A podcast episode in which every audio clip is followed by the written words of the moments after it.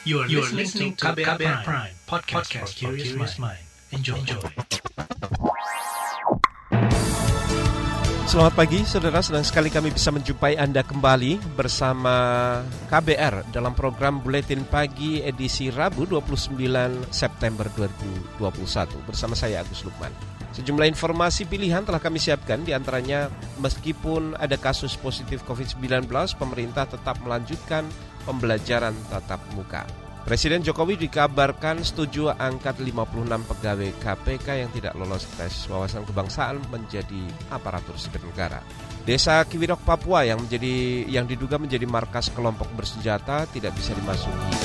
Inilah buletin pagi selengkapnya. Terbaru di buletin pagi. Saudara pembelajaran tatap muka terus memunculkan polemik di masyarakat. Pemerintah tetap melanjutkan pelaksanaan pembelajaran tatap muka meski kasus penularan COVID-19 bermunculan di sejumlah sekolah. Hingga kini kasus positif di kalangan anak didik dan guru mencapai puluhan orang. Koordinator Pembatasan Kegiatan Masyarakat PPKM Jawa Bali, Luhut Binsar Panjaitan, mengatakan lebih khawatir generasi masa depan jadi bodoh jika sekolah ditutup. Ia juga mengklaim tidak terlalu khawatir ada penularan kasus di sekolah karena pola penanganan terhadap klaster pembelajaran tatap muka sudah disiapkan. Masalah khusus masalah pendidikan tadi kami tidak melihat ada ya masalah-masalah yang tidak bisa dikendalikan. Saya kira sistem yang dibangun Kementerian Kesehatan dengan Kementerian Dikbud saya kira sudah paten, sudah bagus. Bahwa ada tantangan di sana sini yes, tapi kita lebih takut dan ngeri lagi kalau nanti generasi yang akan datang jadi tidak berpendidikan dan jadi bodoh. Koordinator PPKM Jawa Bali yang juga Menteri Koordinator Bidang Kemaritiman dan Investasi Luhut Panjaitan mengatakan nasib pendidikan generasi mendatang harus menjadi pertimbangan dalam pembukaan sekolah. Pembelajaran tatap muka memang berisiko, namun kata Luhut, generasi ke depan bisa rusak jika sekolah tidak segera dibuka. Saudara pernyataan serupa juga disampaikan Menteri Pendidikan Nadiem Makarim. Ia khawatir siswa akan kehilangan keterampilan belajar atau learning loss jika tidak menggelar pembelajaran tatap muka. Nadiem mengatakan pembelajaran jarak jauh atau daring yang selama ini dilakukan selama pandemi tidak berjalan efektif apalagi di tingkat SD dan PAUD di mana mereka paling membutuhkan PTM bahwa kalau sekolah-sekolah yang tidak dibuka dampaknya bisa permanen. Jadi ini merupakan satu hal yang lebih mencemaskan lagi buat kami adalah seberapa uh, lama uh, anak-anak ini sudah uh, melaksanakan PJJ yang jauh di bawah efektivitas sekolah tatap muka. Menteri Pendidikan Nadiem Makarim menegaskan pemerintah tidak terlalu khawatir mengenai tren kasus COVID-19 yang muncul setelah kegiatan pembelajaran tatap muka. Ia justru menyayangkan hanya 40 persen dari total sekolah yang bisa menyelenggarakan pembelajaran tatap muka. Nadiem mengatakan akan terus berkolaborasi dengan Kementerian Kesehatan dalam melakukan pelacakan dan pengetesan di sekolah-sekolah. Saudara Komisi Perlindungan Anak Indonesia KPAI menyarankan pembelajaran tatap muka hanya diperuntukkan bagi jenjang sekolah menengah pertama atau SMP ke atas atau jenjang yang lebih tinggi. Komisioner KPAI Retno Listiarti mengatakan potensi penularan virus pada anak di jenjang ini lebih kecil karena telah mendapatkan vaksinasi COVID-19. Kalau dorongan buka sekolah itu kami jadi ditentukannya pakai vaksin gitu. Vaksinnya 70% di sekolah itu sudah divaksin baik guru maupun anak. Lalu bagi yang belum divaksin seperti kelas bawah, SD apalagi TK sebaiknya tidak buka gitu karena tadi vaksinasi ini akan ngelindungin anak-anak kalaupun dia tertular maka gejalanya menjadi ringan itu yang kami eh, justru jadikan sebagai indikator Komisioner KPAI Retno Listiarti juga meminta pemerintah mengawasi ketat pelaksanaan pembelajaran tatap muka. Apalagi selama kegiatan pembelajaran tatap muka beberapa waktu lalu masih ditemukan sekolah yang melanggar protokol kesehatan. Seperti ada yang tidak mengenakan masker bagi guru maupun anak-anak. KPAI juga mengingatkan agar strategi testing, tracing, dan treatment merata di seluruh daerah, terutama di daerah pedalaman dan terpencil. Sementara itu, epidemiolog dari Universitas Griffith Australia, Diki Budiman, mendorong pemerintah untuk mengevaluasi pembelajaran tatap muka jika ada temuan kasus COVID-19 di sekolah. Diki sepakat jika sekolah ditutup akan berdampak murid kehilangan kemampuan belajar atau learning loss. Namun Diki mengatakan temuan kasus positif juga harus menjadi pertimbangan utama dibandingkan alasan lain.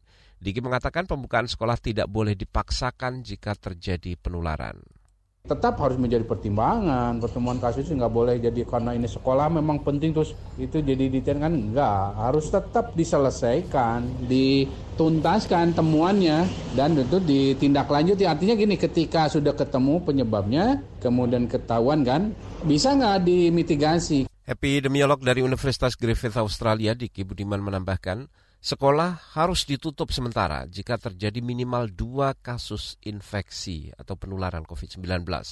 Penutupan perlu dilakukan sekitar dua minggu untuk proses tes dan pelacakan. Sedangkan pembelajaran tatap muka boleh dibuka kembali jika sudah ada langkah perbaikan untuk mencegah penularan COVID-19. Saudara Presiden Joko Widodo dikabarkan setuju mengangkat 56 pegawai KPK menjadi aparatur sipil negara di kepolisian. Informasi selengkapnya kami hadirkan sesaat lagi tetaplah di Buletin Pagi. You're listening to KBR Pride, podcast for curious mind. Enjoy!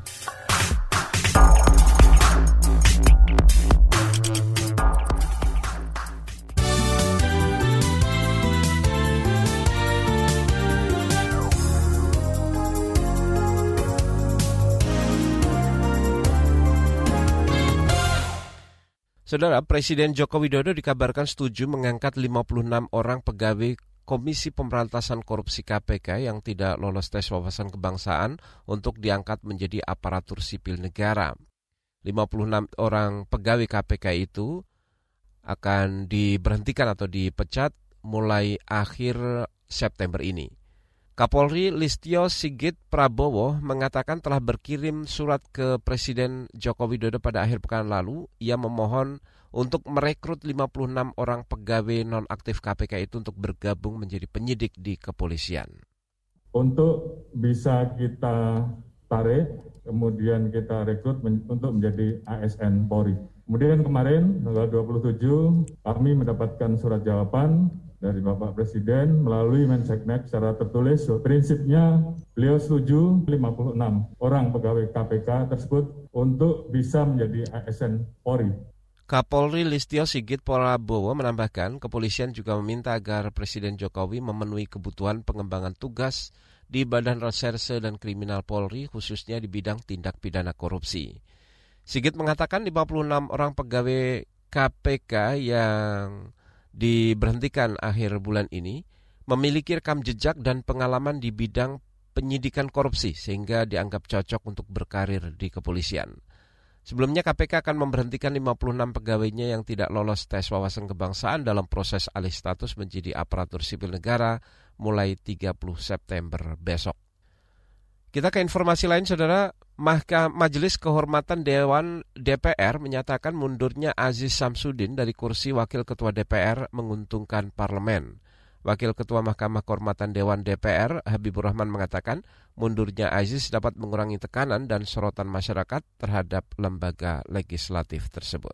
Positif sekali ya, juga apa namanya pertama beliau tentu bisa berkonsentrasi di masalah hukum beliau ya uh, selesaikan uh, membela diri yang kedua juga mengurangi tekanan kepada DPR secara institusi ya karena kita ini kan bagaimanapun disorot masyarakat ya. ketika sudah bermasalah hukum ya minggir sebentar selesaikan uh, lihat hasilnya apa nah, Wakil Ketua Mahkamah Kehormatan Dewan di DPR Mahabibur Rahman mengatakan MKD tidak perlu lagi untuk menggelar sidang etik terhadap Aziz Samsudin karena yang bersangkutan sudah mundur dari jabatan Ketua Wakil Ketua DPR setelah berstatus tersangka korupsi. Pada akhir pekan lalu, saudara KPK menetapkan Wakil Ketua DPR Aziz Samsudin sebagai tersangka dalam kasus suap terhadap penyidik KPK Stefanus Robin Patuju. Suap itu terkait penanganan perkara korupsi di Kabupaten Lampung Tengah. Kita ke informasi penanganan COVID-19, Saudara Satuan Tugas Penanganan COVID-19 menyatakan pemerintah baru akan mengizinkan penyelenggaraan kegiatan berskala besar jika kondisi kasus pandemi di sekitar daerah tempat acara itu sudah terkendali. Juru bicara Satgas Penanganan COVID-19 Wiku Adhisa Smito mengatakan pemerintah daerah juga perlu berkomitmen menyusun persiapan yang matang sebelum kegiatan beroperasi kembali. termasuk telah terbentuknya panitia khusus atau satgas yang berdedikasi khusus mengawasi kepatuhan protokol kesehatan selama kegiatan berlangsung sebagai bentuk kehati-hatian. Juru bicara Satuan Tugas Penanganan COVID-19 Wikwadi Sasmito menjelaskan, rincian pengaturan tiap-tiap jenis kegiatan telah ditetapkan melalui instruksi Menteri Dalam Negeri mengenai PPKM level 1 hingga level 4 di Jawa Bali dan di luar Jawa Bali. Sebelumnya pemerintah mengizinkan aktivitas seperti konser musik, resepsi pernikahan, pesta maupun festival meskipun masih dalam kondisi pandemi virus corona. Sementara itu, saudara ahli biostatistik dari Fakultas Kesehatan Masyarakat Universitas Indonesia, Iwan Aryawan, mengingatkan mengenai adanya ancaman mutasi virus COVID-19 di dalam negeri. Iwan mengatakan bahaya varian baru virus corona bukan hanya berasal dari negara lain, tapi juga dari negara sendiri apabila aktif, apalagi dalam kondisi aktivitas masyarakat tidak bisa dikendalikan takut ada mutasi baru masuk ke Indonesia dari luar negeri ya. Itu betul, bisa masuk dari luar negeri. Tapi kita juga harus ingat bahwa mutasi itu bisa terjadi di dalam negeri kita sendiri gitu. Karena kalau terjadi banyak penularan, sehingga kan banyak tuh virus bereplikasi kan, dia banyak banyak berkembang biak lah ya. Nah dalam perkembang biakan virus itu kan dia bisa terjadi mutasi. Sebetulnya kan mutasi itu salah gitu ya, salah error gitu kan. Ahli biostatistik dari Fakultas Kesehatan Masyarakat Universitas Indonesia Iwan Aryawan meminta pemerintah lebih ketat lagi menyeleksi turis asing yang hendak berlibur ke Indonesia. Iwan mendorong agar tes PCR atau antigen tetap dilakukan meskipun mereka telah membawa surat dari negaranya. Kita ke informasi olahraga, saudara, dari ajang Piala Sudirman 2021. Indonesia memastikan lolos ke babak perempat final turnamen bulu tangkis beregu, Piala Sudirman. Dalam turnamen yang digelar di Finlandia itu, tim bulu tangkis Indonesia memastikan lolos setelah menang atas Kanada dengan skor 3-2. Namun untuk penentuan status juara grup C, Indonesia harus menghadapi Denmark. Pada pertandingan hari ini, Indonesia akan menurunkan Anthony Ginting di nomor tunggal putra. Selain itu juga Indonesia akan menurunkan Gregoria Mariska di sektor tunggal putri, ganda Kevin Marcus, dan Gracia Apriani di ganda putri, serta Pravi Melati di ganda campuran. Beralih ke informasi mancanegara, saudara, pemerintah Jepang berencana mencabut status darurat pandemi COVID-19 pada pekan ini. Mengutip dari Reuters, rencana itu akan dilakukan menyusul tren kasus virus corona yang terus menurun di negara matahari terbit tersebut. Pencabutan dilakukan karena melihat sistem kesehatan Jepang kembali normal setelah sempat terancam kolaps akibat lonjakan kasus COVID-19 beberapa waktu lalu. Meskipun status darurat akan dicabut, pembatasan pergerakan sosial atau masyarakat terkait pandemi akan tetap diberlakukan, baik di restoran-restoran maupun acara berskala besar. Pembatasan ini akan tetap berlaku sekitar satu bulan untuk mencegah peningkatan kasus COVID-19. Saudara, di catatan pemerintah Jepang hingga 27 September kemarin, infeksi COVID-19 secara harian sebanyak 2.100-an kasus. Di bagian berikutnya, saudara kami hadirkan laporan khas KBR mengenai pelanggaran protokol kesehatan saat pembelajaran tatap muka di sekolah. Nantikan informasinya sesaat lagi, tetaplah di Buletin Pagi. You're listening to KBR Pride, podcast for curious mind. Enjoy!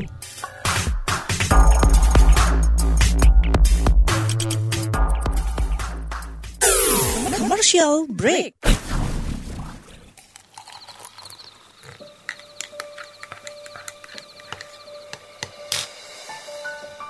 Hai, kamu apa kabar? Masih suka menikmati senja dan kopi? Aku masih ingat kebiasaan kita. Sehabis pulang kerja, selalu mencari tempat untuk sekedar ngobrol dan ngopi. Tapi kadang kita kehabisan bahan obrolan. Aku masih melakukan hal yang sama sampai sekarang tanpa harus takut habis bahan buat ngobrol karena aku selalu mendengarkan KBR sore dari Senin sampai Jumat jam 4 sore. Ah, aku rindu. KBR Inspiratif Terpercaya.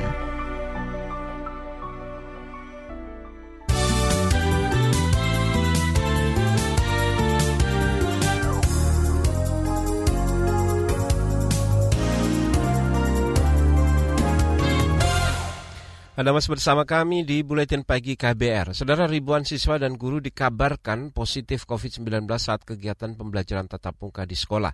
Meskipun Kementerian Pendidikan menyatakan data itu tidak valid, namun data itu menjadi alarm tanda bahaya. Karena banyak pelanggaran protokol kesehatan saat pembelajaran tatap muka digelar di sejumlah sekolah. Berikut laporan khas KBR disampaikan Aika Renata. Pekan ini, berbagai daerah mulai menyelenggarakan pembelajaran tatap muka di sekolah secara terbatas. Jauh hari sebelumnya, pemerintah sudah mewanti-wanti agar penyelenggara pendidikan menerapkan protokol kesehatan secara ketat pada guru dan siswa. Saat mengunjungi vaksinasi pelajar di SMA Wajo, Sulawesi Selatan awal September lalu, Presiden Joko Widodo sudah mengingatkan agar para guru dan siswa tidak sampai melepas masker. Bahwa proses vaksinasi ini berjalan lancar semuanya dan anak-anak bisa segera melakukan pembelajaran tatap muka dan kembali normal, tetapi juga hati-hati tetap protokol kesehatan harus dijaga ketat, terutama pakai masker, jangan sampai dilepas. Ya, saya pakai masker sampai double. Pada prakteknya, penerapan protokol kesehatan secara ketat tidak semudah yang diucapkan. Selama pelaksanaan pembelajaran tatap muka, banyak sekolah melanggar protokol kesehatan, terutama disiplin memakai masker.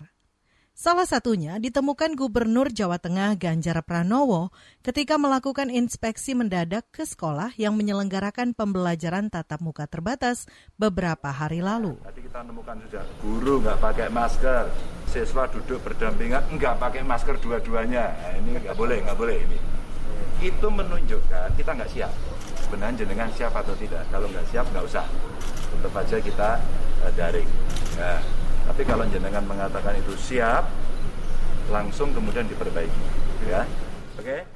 Ganjar Pranowo meminta Dinas Pendidikan di seluruh 35 kabupaten kota di Jawa Tengah membenahi pelaksanaan kegiatan pembelajaran tatap muka agar tidak sampai muncul klaster penularan virus corona di sekolah. Uh, saya minta bantuan kabupaten kota, para bupati wali kota, wabil khusus Dinas Pendidikannya untuk mengawasi SD, TK, PAUD.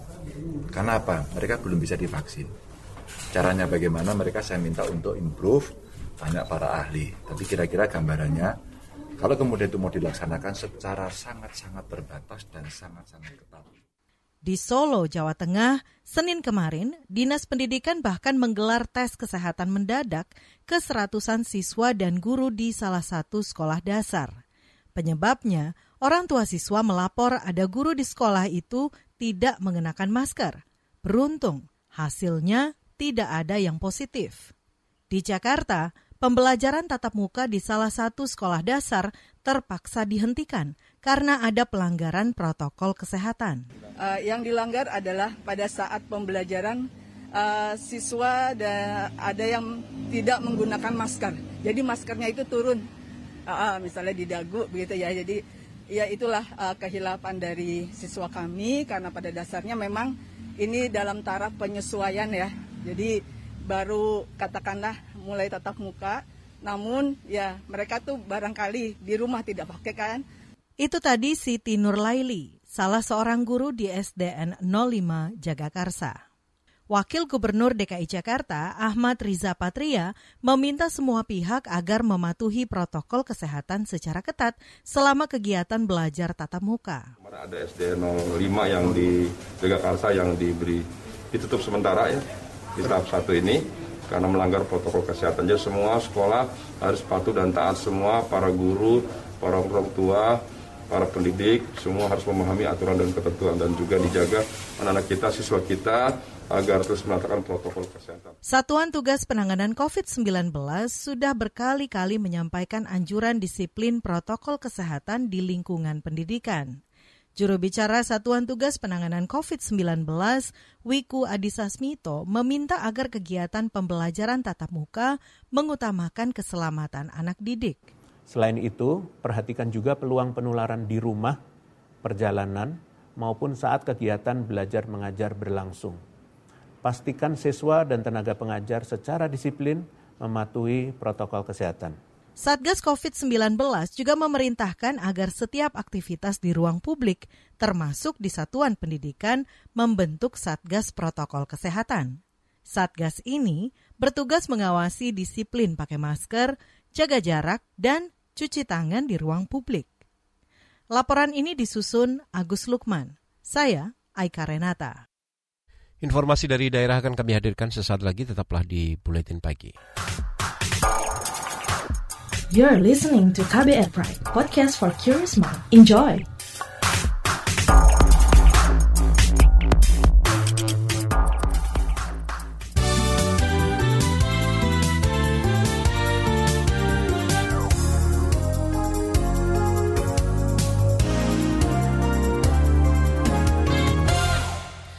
Inilah bagian akhir buletin pagi KBR. Saudara kita menuju ke Papua. Kondisi warga yang tinggal di tiga kampung di distrik Kiwirok di Pegunungan Bintang, Papua hingga kini masih belum diketahui. Tiga kampung itu adalah kampung Deblem, Pelebib, dan Kiwi yang diduga menjadi basis kelompok bersenjata. Bupati Pegunungan Gintang, Speyan Bidana mengatakan aparat belum bisa masuk ke kampung itu karena alasan keamanan. Di bagian barat karena kelompok PPN itu di kampung itu sehingga rakyat yang di tiga kampung dalam itu yang kita belum pastikan karena tidak aman untuk kita masuk. Kampung Delpen, eh, Del, eh, Belebib, dan Kiwi, tiga kampung. Dan itu menjadi basisnya kelompok tersebut. Itu tadi Bupati Pegunungan Bintang Papua Spei Ian Bidana. Sebelumnya, seribuan warga dari distrik Kiwirok dan beberapa kampung lain mengungsi ke berbagai wilayah di Kabupaten Pegunungan Bintang. Warga mengungsi pasca serangkaian aksi kekerasan dari kelompok bersenjata selama dua pekan terakhir. Saat ini seluruh fasilitas publik di Kiwirok rusak usai dibakar. Kita menuju ke Kalimantan Barat, Saudara Dinas Kesehatan Provinsi Kalimantan Barat menyatakan provinsi itu kini berstatus darurat rabies. Dari 900-an orang yang tergigit oleh hewan penular rabies, empat orang di antaranya meninggal. Kepala Bidang Kes, Kepala Bidang Kesehatan Hewan di Dinas Pangan dan Peternakan Kabupaten maksud kami Provinsi Kalimantan Barat, Elidar mengatakan korban gigitan hewan penular rabies itu tersebar di 14 kabupaten kota. Di gambaran untuk Kalimantan Barat itu pada tahun 2021 ini sudah 991 orang yang tergigit hewan penular rabies dan sudah empat orang yang meninggal. Nah, kalau yang 991 itu di 14 kabupaten kota. Tapi kalau yang meninggal itu satu di Kabupaten Ketapang, kemudian ada satu orang. Kepala Bidang Kesehatan Hewan di Dinas Pangan, Peternakan dan Kesehatan Hewan di Kalimantan Barat, Elidar mengatakan provinsi ini pernah bebas rabies di 2004 namun setahun kemudian rabies kembali muncul dan tidak bisa dikendalikan. Saudara informasi tadi menutup jumpa kita di Buletin Pagi KBR hari ini. Pantau juga informasi terbaru melalui kabar baru, situs kbr.id, Twitter kami di akun @beritaKBR, serta podcast di alamat kbrprime.id. Saya Agus Lukman bersama tim yang bertugas kami undur diri. Salam.